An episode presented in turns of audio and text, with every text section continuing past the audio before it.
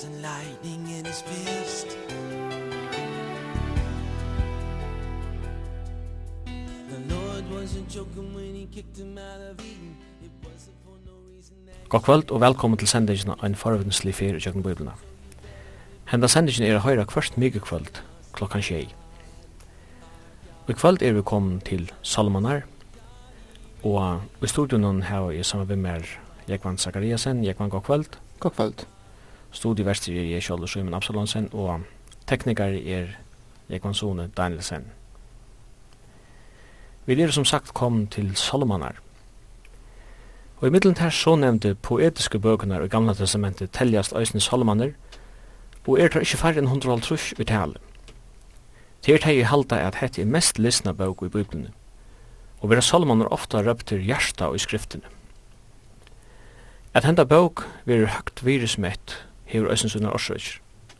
Tøy hon hefur nekka bjøve öllu menneskjon, utan von til hver omstøvnar er. Og til er av til Salomaner er skriver av personen som har veri öllun hugsande, eller avhugsande omstøv. Og i Salomonen er år sett at det som rører seg djupast og hjersta menneskjans. Halt fra djupast av sakne og sorg, og lovprysan av sili glei. Her finner vi et høvundar som har opplevd glei, mødleise, avratt, roaløysi, øynesemi, svøvnløysi, sindabiri og så videre. Vi søkje høvundar, biande, tilbiande, gradande, syrgjande og så framvegis. Stått sagt, og i öllun løpsins skiftande omstøvn kunne Salomonir sette år av menneskjans tørv og kjensler. Av hese årsøk hava mong tryggvande gjørst til anna meginregli a lesa minst ein salomar kvann dag. Reie traveren i salmenon er en djup gudsbevustheit. Gleien gjerst folkom vi er sutja herran, og sorgen misser sin brott, ta vevnen vi er sett til herran, god Israels. Salmanen viser okken god som skapare av allheimnon, han som alt valdande trånar i himli og helder skapare ikke sunnen opp. Men Salmanen sier okken at han er en personlig god som hever samtjensle befolkningssunnen og som landjest etter av vis omsorgan og nai og hava samfellan. Vi kunne komme til hansara just som vi dere, vi okkara vannbrådun, syndun og finna hjelp fra herran. Salmaner er skriva her et lengt hui erskai. Omlai helmingar av salmanen er skriva her av Davide, og ver han tui ofta røptur indeslige sankar i Israels. Ein tvingar av salmanen heva avnevndan høvunda. Hini salmaner er skriva her av hesum personen. Asaf, 12 salmar, Kora sinir 11, Salomon 2, og Etan og Moses hava skriva hver. David, og som nevnt, skriva etter fleste salmane levde om ar 1004 Kristus. Og han skriva i 3,5 av taimen 150 salmane. Men negre salmar er skriva er etter herløynsna til Babylon, til dømes omtala salmi 120 til tei, og i det gradande vi einar i Babel, og ikkje kunde sinja sanger herrans i fremmande landet. Herløyingen til Babel får fram egne 500 år etter det er Davids. Men Moses skriver i Salm 5, og han levde som kunnet om lai 500 år år enn David. Det er så slapp 1000 år fra Salm 5 til Salm 133. Salmaner er fra gamla tog balkaer i fem bøker. Fyrsta bøk fevner om salmanar fra 8 til 41, andre bøk fra salma 2 og 4 til 2 og halvfjers, tria bók fra 3,5 til 94, den fjora fra 90 til 106, og femta og senasta fra salma 106 til salma 150. Og i nødja testamentet er ofta sypa til salmanar. Jesus viste ofta tiltara og sama gjør det apostlaner. Flere av salmene viser atra tilbor i søve Israels, som til dem salmi 88, og profetist peikar flere salmar fram etter til dømes omtalar Salme 2 Messias og friarøyke hansara, og Salme 22 profeterar om løyingar Kristus her, og minner hese salmer okken av Isaias 3 altrush. Or Jesus har akrossen hon, god moin, god moin, hvor er du færen fra meg er bøynles ur Salme 22. Hetta sier okken at salmaner er skriva er i en profetisk anda og kunne best skiljast om vi leser tar vidt i åpenbering og okken veidest i Nødja testamentet. Nødja testamenti endurgjevur 116 fyrir ur salmunum. Av høvus evnun i salmunum kunne vi nevna tilbyan, hever hos om Guds person og hans er dikter, han er verder at tilbyan. Her kan vera vist til salmanar nummer 33, 103 og 139. Vi da eisen søvelige salmar, evni er Guds vi skifte vi sitt folk, Her kan være visselsalmanar 8, 78, 105 og 106. Samfella hins anstega vi god. Her kan visas til salma 8, 16, 20, 23 og 55. Råp om hevnd.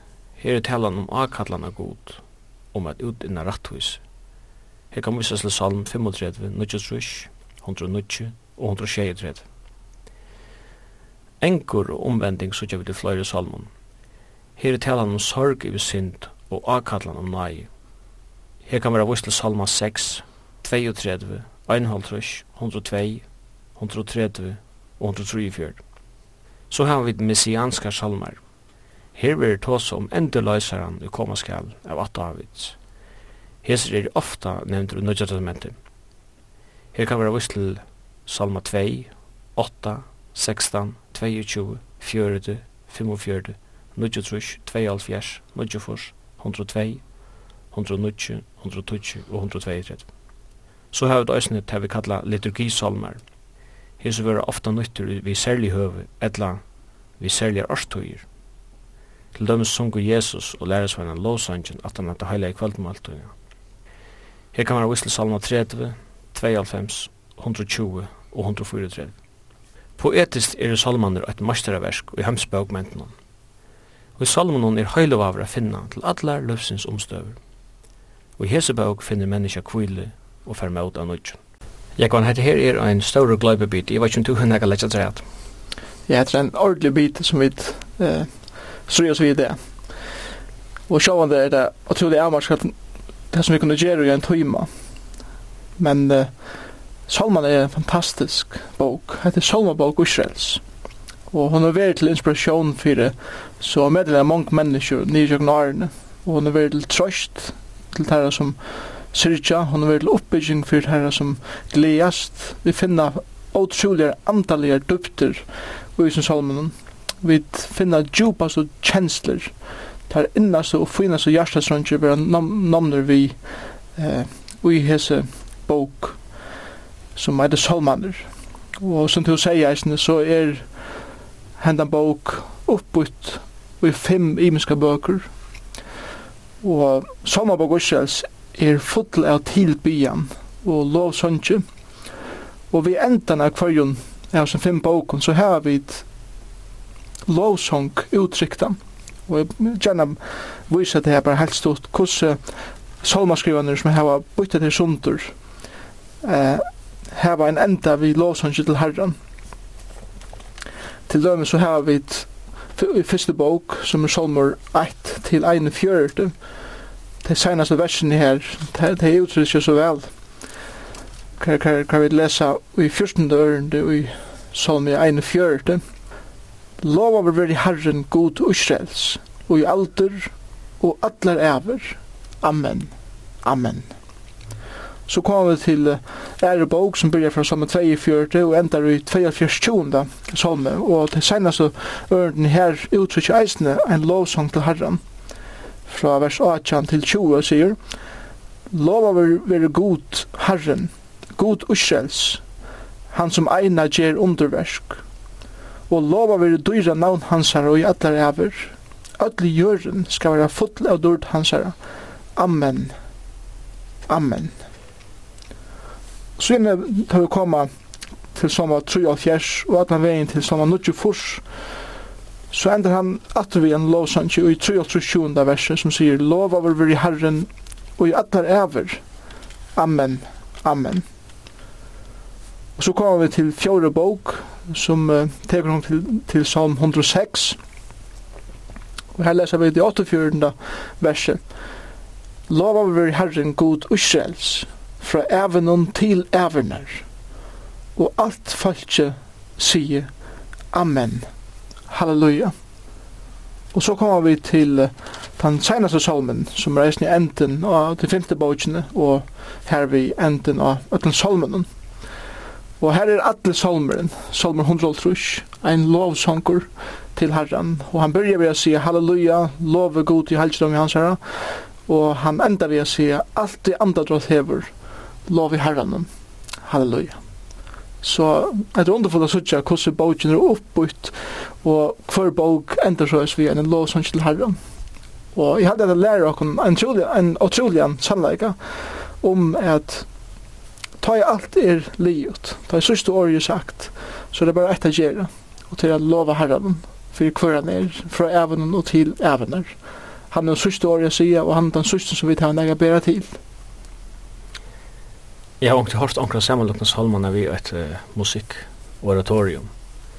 Hver vi uh, hessar her uh, tunge kjensler som salmistene omkring hava, mindre om hessar ærinar. Ja. Og så uh, endar salmene teka fra 106 til 150 vi, vi en, er, en brusande fanfare. Ja. Og, og finalen her i 150 som 20. salme er, er en veldig finale så, som endar i fantastiska tillbyggen. Vi ljömande skaltrummen och Gjetlande skaldrum. Ja. Jeg har om at det er melodier i samme vi salmaner. Vi vet at, at uh, David skriva i 73, 1803, og han var han var ekvile køner i å spille hørspil, det vet jeg vet. Ja. Da det var før rundt og løyde i Øtland og Israel etter en hørspiller, så var han eh, utpøyga som eh, musikkvirtuoseren. Og um, Vi vet at Asaf skriver 12 av salmen, og han har en professionella tænas i samband vi eh, tempeltænasene. Ja. Kan du også si at det har vært eh, tøvner sett til alle disse salmene? Ja, det, det kan vel huksast. Um,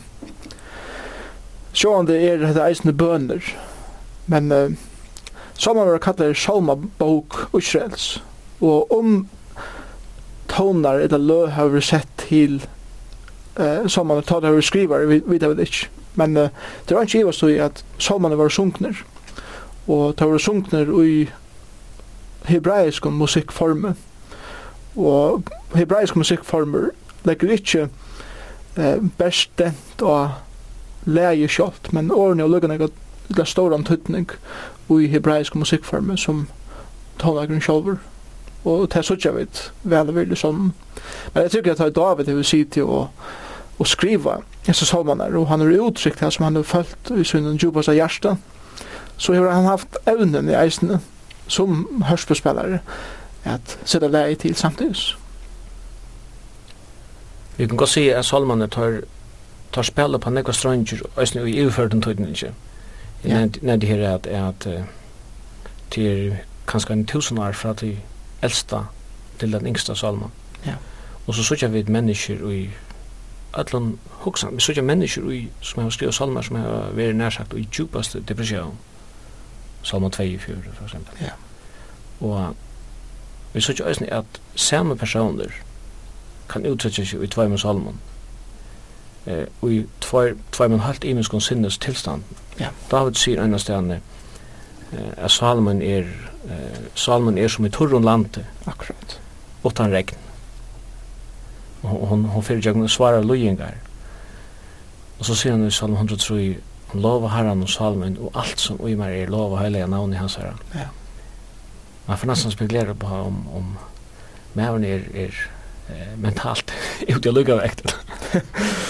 ja, men uh, jeg hadde svært her, er nei jeg hadde det, hvis vi ikke etter, etter løyvene tja, og knøtlen, så her har vi tøyer og løyvene hver vi er og djupt nørre, og det har vi sjående vi løyvs omstøver å gjøre.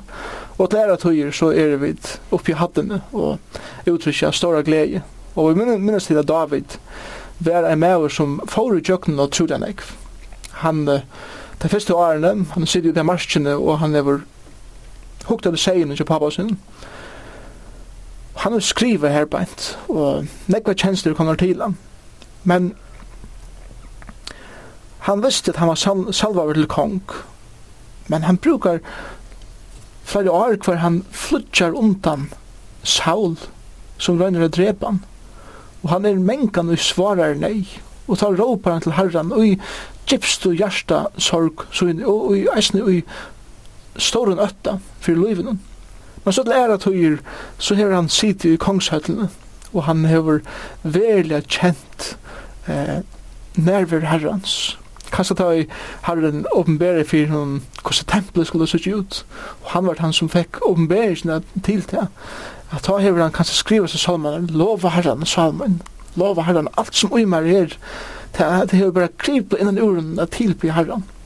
Men så kommer han tøy at du lever ikke David hver knapplega han ser egna kjøde blå er etter henne. Og her hukser med Absalom, som yngst til at trepa pappa sin. Og ta hever han kanskje atter eh, uttrykt en negg gypre sorg enn til han flytje fra Saul, til at nu er han ser, nu er han ser egna soner som lykker han etter løyven. Og så David var ikke skizofren. Han var med vår som eh, brukte høvet til at uttrykke tjenestene tjaser nere papur og i åren. Og vi gjør det samme, og så mengan imenskan hatt. Ta vi vidt er og i sorg eller glede, vi uttrykker på omkra måte.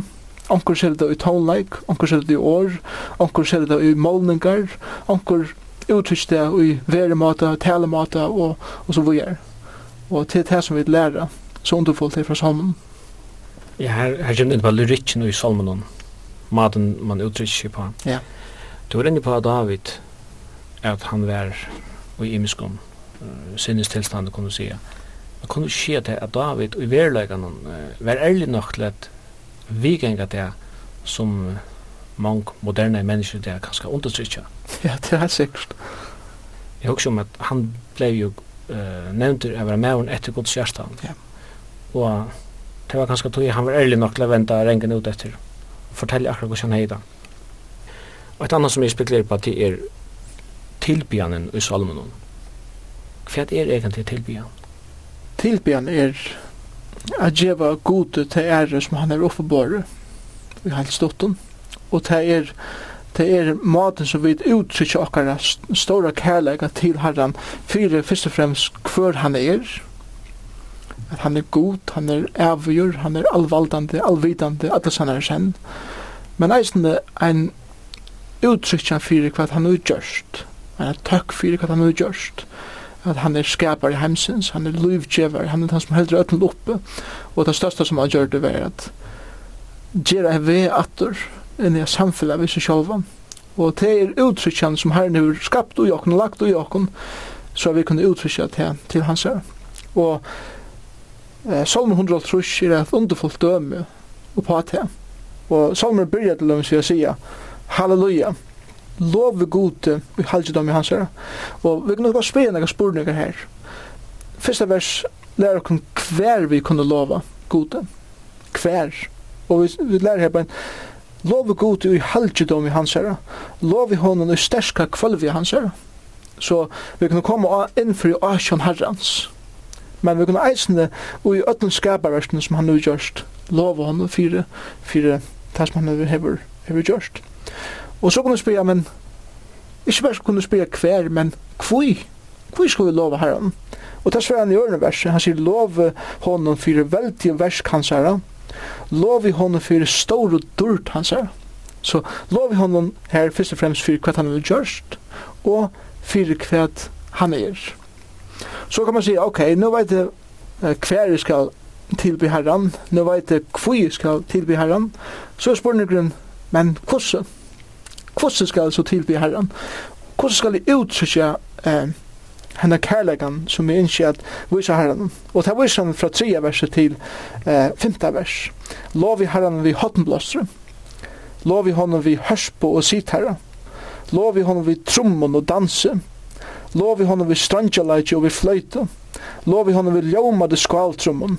Lov i honom vid jettlande. Så her er en helt symfonier som vi har her, som vi kunne uttrykja lovsong og, og tilbyen til herran. Sjalt vi danser kunne vi eh, uttrykja lovsong og tilbyen til herran.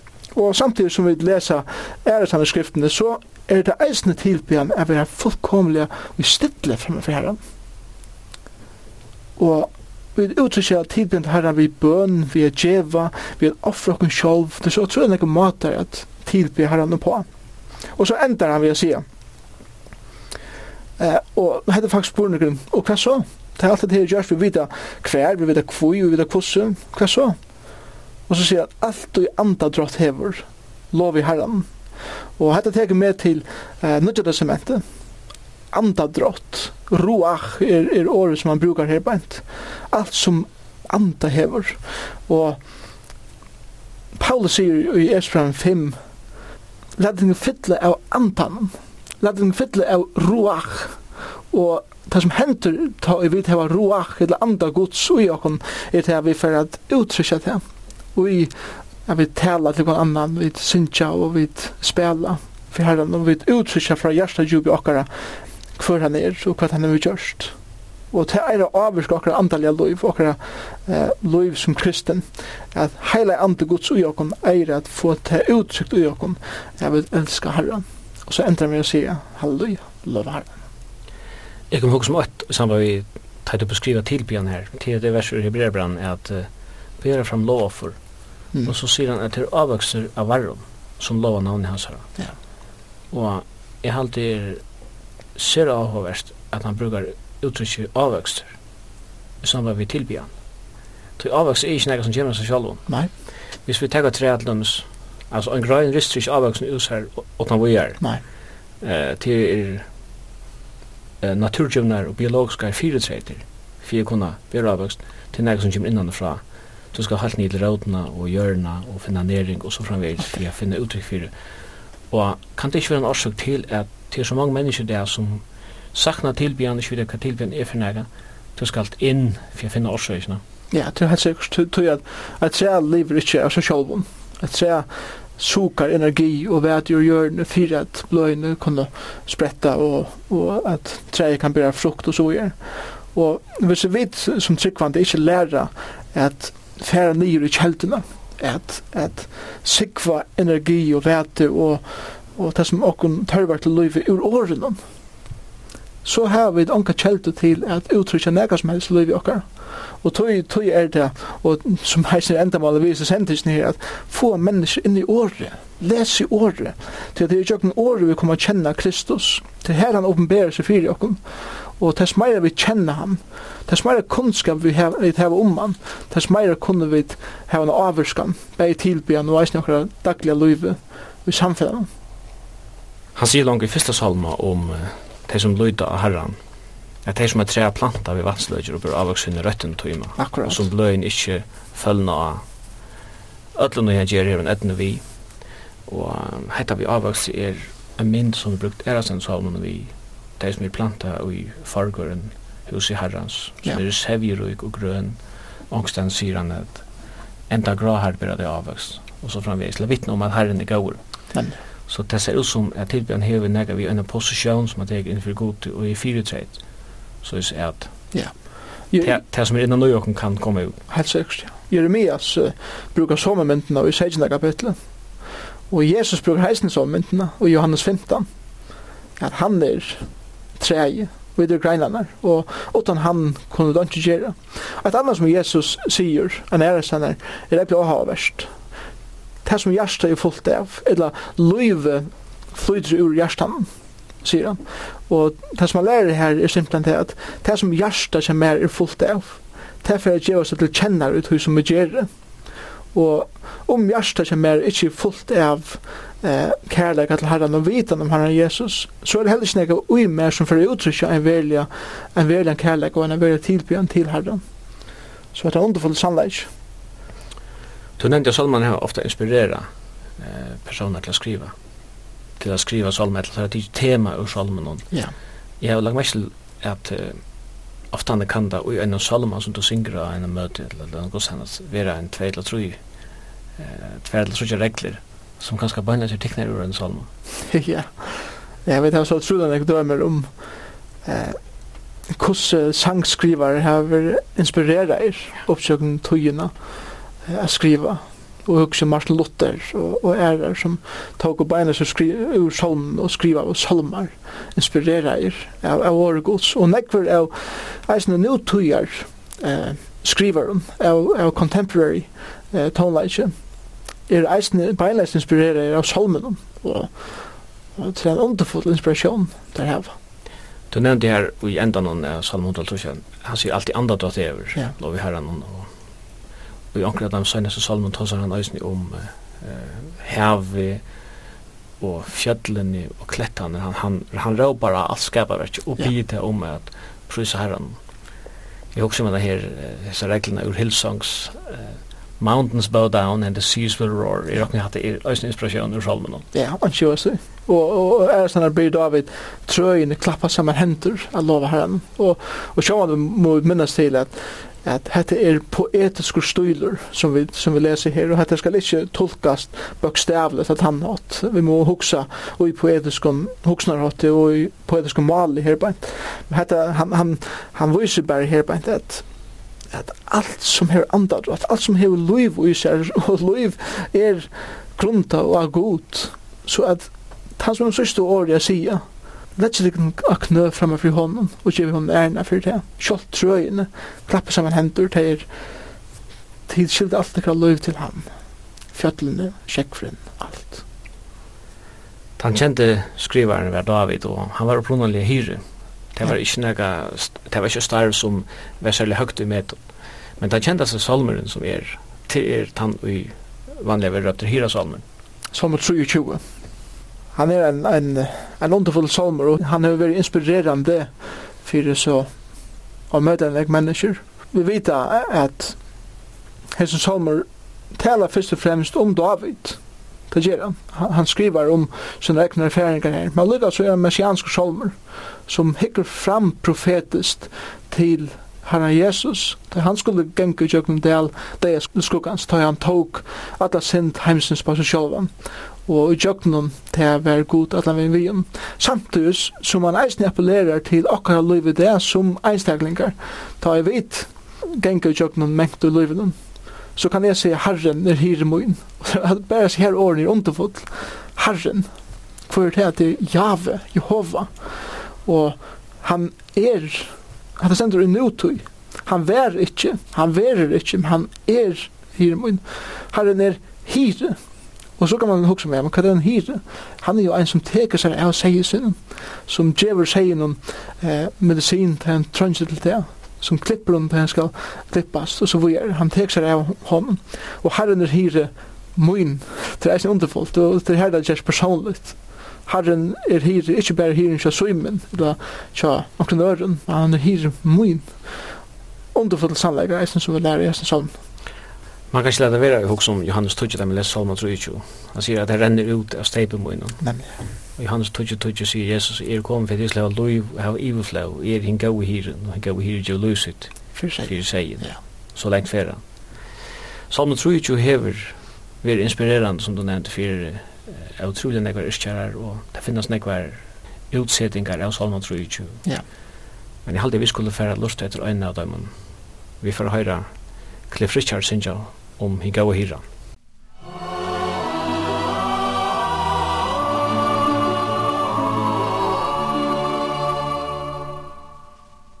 The Lord's my shepherd, I'll not want.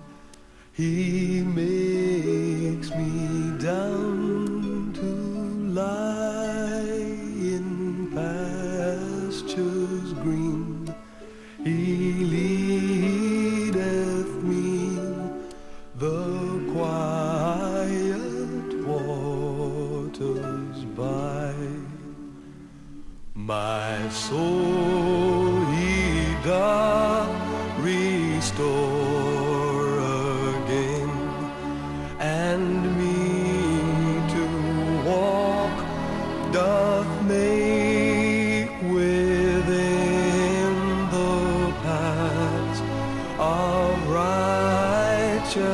righteousness in for his own name's sake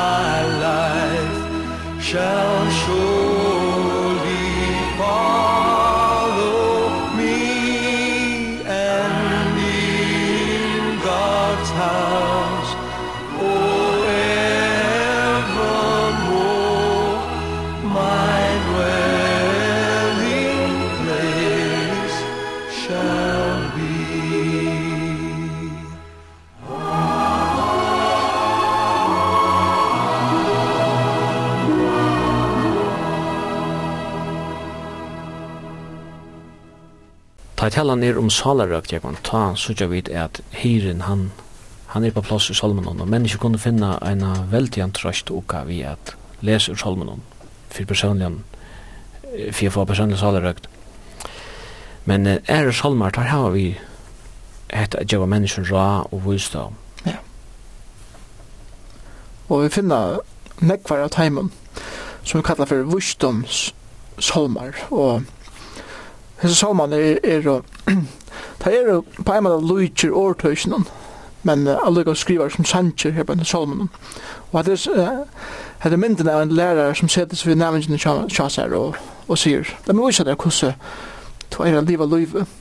Eller kanskje er myndin av en, av en pappa eller mamma som teker sånn sin eller døtter sinne og sier, la meg nå vise hvordan du best kan liva.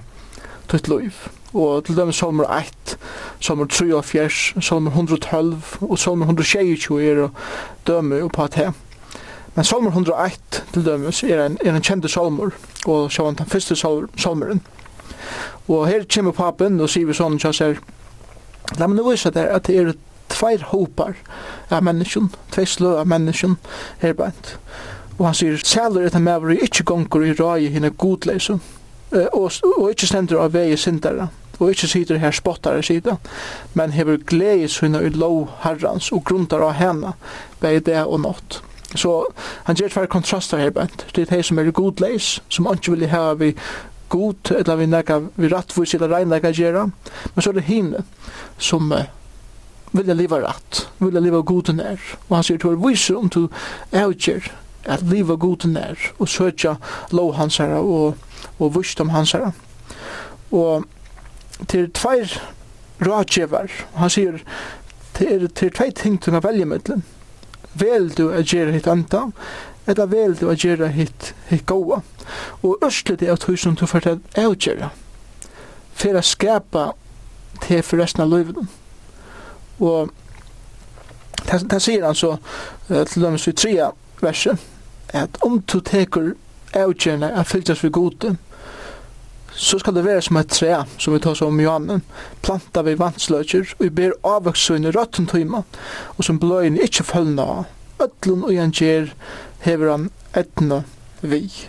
Og så er det eh, kontrasteren. Om du avgjer at fylgjes vi godleisen, og gjer at det som mykje er rett, så vil hette urslippet, fjorda vers, så er ikkje vi hinn godleisen. Nei, det er som dumpa, og fyker for vinden, at lite lot kjemur og tei fyka bostur. Og hetta fører til tver imiska lakner, sier papen at det er sånn sin. Hinn rattvise, er det fyrst, om du avgjør at det som ratt er, vers 6, til Herren kjenner lei hinn rattvise, og så er det de som velger året. Men lei hinn godleisra endar i veløys. Og at det er som papen endar her og sier, nu er avgjøren tøyn, sånne min. Jeg har vist der hva det er rett og hva det er skreft, men vel er tøyt. Så jeg har under fått mynd og på vist om, som, som vi kunne lære ur salmen. Og i nøkna salmen her sier vi at salmisteren opplever en, en fjærstøv. Han opplever som god lengt vekk. Ja. Og det kan kunne være kjentar årsøkjer, det kunne østene for Salman skal være ukjendar årsøkjer. Han opplevde det bare som at av ukjendan orsøkken føler han er god i lengt bort. Jeg husker om Salma 2 i fjørde, ja. et sinne kåra, enn han sier, jeg må si vi god, klett min, hvor har du glemt meg? Hvor skal jeg genga sorgarbonden, kua over av fudgjendon? Han har ikke nekka svære kjallur. Mm. Men fyrir av livet Salma 1 så har du enn situasjon hver og David føler seg utan samfunn av god, og her er også sin kjent. Han vet vel hva det, hva det er som er skøyft. At, at det er så leis, at uh, sine kåra, tar, tar visst ikke hva det er som gjør det at her og ikke nærvere gods, og til å kanskje være akkurat inn i livet her som tar ikke visste om. Men David visste, eh, uh, ekkert vel, hva det var som han er gjørst, og at det er i tøyen i løven kjønner hva han er å ha punkten og i sønnen kongaveld. Vi finner sjående bakgrunnen til Salm 51 og i ære Samuels bok, kapittel 11, vi, vi tar ta som det er før. Men hette tar i David eh, teker Betsebe, og han, er, han teker henne fra, fra mannesønnen, og han svever vi henne, og hun gjørs ved baden, og han gjør henne forferdelig sint, som leier til at han gjør seg mortar i eisne. Han dreper mann Betsepe. Men David leser vi hver ein mever etter Guds hjärsta. Og det som er tryggve eh, grunden er til at Gud sier at her om David er til at David var eimjuk nok til å komme og by om fyregjeving om det som han er gjør skreift. Og til det som Solmer Einald tror om, han kommer eh, til Herren. At han Nathan er kommet til ham og har vist noe hva han har gjort. Og han råpar til Herren, God, vær meg nøyevor at du gasket høyne, Stryke ut brådmøyne etter store miskontyne. Og det som der her er til at han, han visste steg hva han kunne færa til. Han visste at god var en nøyever god som ønsker vi komme til han, til å være rensa. Og til det som nødvendig som henter lærer og næsne fyrir hans brev et nødvendig at jotta vi synder okkar så er han trofast og rattvis at han at han fyrirgjur okkon og han rensar okkon og til det som David dropar etter i fjore ørende tvåa meg helt reinan fra skiltmøyne rensa meg fra syndmøyne og det er akkurat som nesa myndin av en en smalambe som er dott i en av veit slipper ikke opp alt råpar om hjelp, om hjelp og vil være, være rensa. Og til en troan i David er et reinlegg eisen, vi sier det i 12. verset. God skapa i mer et rent hjärsta, og djev av nudjon støvan anda innan og i mer. La meg kjenne nerver til henne avhaldande, og jeg kjenner henne best vi at livet rent for jeg kjent henne. Så vi ser en mann her som har synda, men han råpar til Herren om fyrirgiving, om rensan, så han kan leva sitt liv sikrande for gjer. Han tar så reisen om i Salm 1, som et offer til Herren, er sunderblod i hjertet. Ja. David visste eh, hva en tøtning og hjertet for til hei. Da det kom til vi i kjøsten vi god. Ja. Jeg husker om det samme vi David ble Salva vel kong. Ta seie god nega vi Samuel som Salva er kong. Ja i samband med Abadjan og Shadav gikk fram. Nemlig. God tykker ikke et høy som er utdannet. Man hykker etter hjertan. Og det er en underfull sannleik. Og jeg hadde grunnen for at han er underfull er til at han er så utrolig og menneskelig.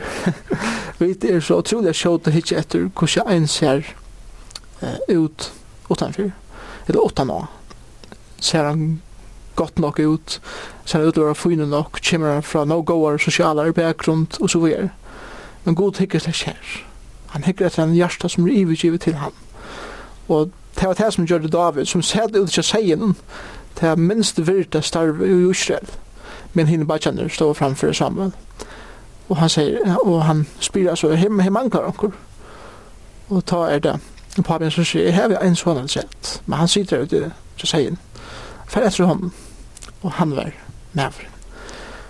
Jag är så tacksam för det att David var utvalter till vi, vi kunde läsa så sånare av honom och vi kunde lära så utrolig mycket av David vid det. Vi såg ju med en allt att han bär inte bödeflagga för det som han har gjort på närmansvis mat. Han råbar bara till god om nej och ber han om att täcka sig, täcka sig eh, till sin atter. Ja. Yeah det er ganske også til at David er kjente for å være med henne et godt hjerte. Ja, han sier så, han, han kjente godt. Og det er utrolig områdende at skilje her, at han kjente godt. Og vi tror ikke han kommer til å kjenne godt, da han ser det i marsjen her, og han ser det seien, og leivan og bjøttenen kom, og han, han uh, lærte at lyte av godt. Og han visste at godt ser allt som er inne i meg. Den er ikke mer for å skrive tiven og røyne at rett og slett med sjølven av nærkan hatt. God to veist. Og tog litt ikke fullkomlig nægjen og bedre for Asjantøyne og jatte syndmenn. Jeg nevnte Salmo 42 hver og avstander øyne er, og i tog tilfellene er Basin Kåra, ja. som sier hver er god spyrja der, hver er god tøyn, hvor er du nybøkt salmen. Men så kommer det ved sværen kjallur, tar sier, boja etter god. Mm. Det ser øyne ut som at Sine Kåra hadde hentet løsfyrståmen, at uh, Her var det opplevd at god kunne virka lengt vekk, så laudet det ikke frustrasjonen å sparka bøyne under dem. Men men det er sånn, vi vilja bo i etter god. Og her da, øsne, hver rolle spiller kjenslene i løven, ut i kristne løven. Jeg husker om i hans brev sier at hette vi skriver til ikke for at skulle vita. Ikke for at jeg skulle føle at det var jævlig løy, men for at jeg skulle vita. Ja. Det var nok gods bevusthøyden som gjør det til at det boi i et god. Ja. Og så er det at Tui skal jeg atter kunne takke honom, frelse og anledsmåns og gode møyna. Så Guds bevistøyden til øyt, kjenslene er til ganske nægge anna. Ja, det er det. Allega, så, så, så kan man ikke atskilja eh, intellektuell og kjensler og vilja. Det er nekka som, som, som høyre saman. Og kjenslene er uh, variasjon stort der etter eh, tog vitan som vi hava, og det var det som gjør det til at her boi av, til at her visste at god er god, og han brøyde seg ikke. Og jeg hadde at, at kanskje hvis vi tar akkurat samfunnet som vi lever i det, så lever vi i en samfunnet hver er er utrolig ringt av boia. Vi lever i en fast food, instant coffee samfunnet som tennes. Og jeg husker som eisen bare, bare telt og heimen, jeg vet, er i øynene hvis jeg teker eh, et eller tve sekund for lunsj, jeg kommer inn og program og så videre. Og eh, god, han før okken mennkan i tjøkken nega, så vi må boja. Og a boja myndar okken. Og hvis nega som trønns til å lære a boja, vet jeg, så er det okkar samfunnet. Eh, så vi lever i det. Det er god. Eh, jeg pleier ofte å si at selv om vi lever i en sånn fast food eh, samfunn, så, så blir vi ikke andalig på nærkant sjåta måte til andre sånn eh, fast food innsprenning for jeg kommer kjenne herren bedre til nærkant som teker tøy og orske og disiplin og måtte vi lærst her og i okkar ekna samfunnet Det minner vi om Abraham at han arver lyftene at han at han tålen heie bo i etter dem, ja. som vi da var inne på før.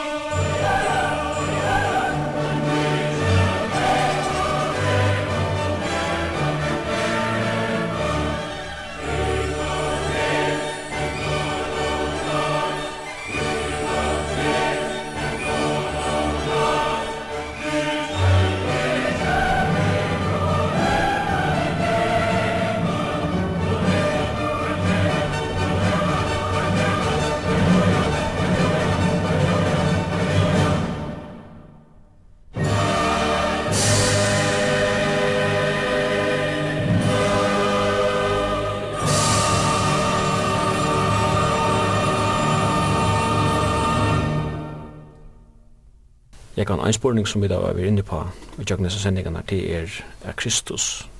Vi har finnet i den boken og Bibelen. Vi har langt nevnt til at det finnes messianske salmer. Ja. Men Hver er Kristus og så ikke salmen? ja, vi kunne godt bruke en hele sending, bare at oss om Jesus i salmen. Til han er å finne så utrolig nekva stemmer. Men eh, eh, etter tøyen tjåkene vi har færre, så skal det bare vise han noe helt fating. ting For det første så, så er det der messianske salmaner, til dem salmer 8, salmer 120, salmer 16, salmer 22, 23, 24 og så videre. Tåsa atler om Jesus som den kommande Messias, som bare skal komme at loja, men eisne komme som veldig siers herre, at roa eh, rujtjesunnen i atler ever. Men eh, salmer 22 til dømes er en salmer som Jesus sjølver siterer, fra krossen. Da han røpte av krossen, god mun, god mun, hvor er så færen fra meg? Og til en salmer som David, har skrivet tusen år framan undan. Eh, og i ljósen av at Jesus skulle sies i år. Og David lyser eisen i salmen hva det var som Jesus får i jøkkenen ut i krossen og eisende hva det var som søvlig for henta så samtidig som hesen eh, salmer er messianskur så er han eisende profetiskur. Han sier og i forstiden nega som fyrir at henta i framtøyene og vi leser til dømes og i, i satta ørende at til tøyne røptu tær og fingu hjelp og at det lite her, og det var ikke til skammar. Og så leser vi videre eh, til dømes i teltaverset, vi er ikke lengt fra mer, til neien er nær, og ønsken er som hjelper, største tarvar sannar han om meg. Og hette tar seg om sjående myndelige, om fudgjendar Jesus som, som var rundt om han. Og 16 ørene sier han, til hundar sannar han om meg og hinn er andu i hopat slua ring kron lomme. Jeg fari talt öll bein munne, tar hitje at mer og ha frakt et tui. Og så er det her, nudjenda vers, klæje munne bøyta der i middelsyn, om kyrstlen kastat her lot. Og hatt var oppfyllt ut i Golgata, at tar spyttu av han, tar flent etter noen, tar tog klei hans herra, bøyta der i middelsyn, men kyrstlen som var ui egnan seimen, har ikke sett det saman, han fører så å kaste lotum. Alt det her er oppfyllt i Kristus. Og sommer 22 feir tåsar om rattvurskjeringsene. Det som Jesus gjør det krossen, det er akkurat rattvurskjering, da vi trykker det. Sommer 23 er en mynd av heila heilagjeringsene, av akkurat løvsfer, jøkken løyve, og lukka til å komme til del deia sukkans. Og som er 24 som eisen messianskur talar om eh, durdena som, som Herre Jesus skal få eh til dem til dem kjenda var sier tid postur litt i hötten tekara i tekan til avju dyr så konkur durdaren för komma in och att tala här är messianskt om Jesus Kristus. Och att reisna mynd av durdargärningen ta vi skulle vara durdargjort och vara samman herran Herren Jesus og i alla ever så heter nekra mynden, en annen mynd er året, sjående. Jesus Kristus er året, som uh, gjørtest holdt. Salmer 119, langste salmeren i salmabogene, tåsar allan vegin i tjøkken om hva det året er. Og det som er avverst for salmer 119 er til at han er oppsetter i alfabetiska orden. Lukka fra A til Z, og i hebraiska alfabeten er sin salmen oppbygdur. Og vi leser til dømes om året i fjorda verset, Du har givet båtøyne for at ein skal letja seg eina vi at halda til. Kjente ørende, jeg skal takka til av sånnen hjärsta, ta jeg lære at lær rettvis lover tøyner, og få til jeg kjenna. Åttende ørende, fyrskipan tøyner skal jeg halda, vent mer til ikkje, heilt bætje. Nuttjende ørende, hvor skal en unge halda vesen regnar, ved at halda seg etter åren tøynen. Og så skulle vi bli via Lise, henne solmen, om året Og Kristus er en mynd av oss her. Han er vedleier i okkar. Han er han som eh, vid ei at li okkar liv etter. Sema sinne vi er tikkun som var Kristi Jesus i Paulus. Og vi kommer kjenne Kristus og vilje hans her liv i okkara. Sjøkken åre, åre som var i holdte, men eisen i åre som er skriva. Og så er det vi Kristus, atlan vegin, vi sjøkken salmanar. Anker har sagt at man kan teka året ur Salm 119, vers 8, der vi Jesus, så får man en, en annan vinkel av Psalm 119. Ja. Her er av myndelig vers. Her sender mitt landa, jeg gleder meg om årtøyt som øyne har vunnet større enn herfang. Ja. Årtøyt er fødder min og likt, og ljøs av løytøyne. Årtøyt er gammel min søtt, det er sødere enn honeger. Så ja. det kunne man bli vi. Ja. Kristus er det inkarnera det likamliga gjorda logos or som blev hållt och tog bostad mitt lockar som blev halt och blev men som ösnet døy fyra okkom at vi derna sett seg sjálf han lagt og var lojen til deia og krossdeian men god har sett han høgt og givin navn som er i öllun øre navn og til øsnet hatt navn som er litt opp i salmonen, kan man sige ja. navngods og hver tunga seg jatta og hvers knæ skal bøtja seg for Herren Jesu, enn det. Og det som vi ikke får fram er til at at møvelagen er bøtja som er knøpa enn nå for Herren Jesu. Og at jotta vi, vi tungetøyne at at er en sintare som trønger fyrirgjeving og Kristus er han som veider til fire fyrirgjeving og i kvöld for det som lustar at du kan råpa til han beintne og han høyre det og han kommer til hjelpar og han frelser det og bjerga der fra en nevion fortapelse om du råpar til han i kvöld. Og må, måtte Herren hjelp til her, røp til han. Vi vana er at lortaren heva finnje nekka på ned, og til sust så skal jeg si at henda sendingen vil endersend den 6. mai klokka 6, og annars er sendingen ein forvindenslig fyrir jung bøyden at høyra kvart mykje kvöld klokka 6. Og jeg kan ikke takke deg for at du vil være her i. Ja, som leis. Og vi takker jeg kan sona Bernsen for at han vil være tekniker. Ciao. He spoke into the darkness and created the light.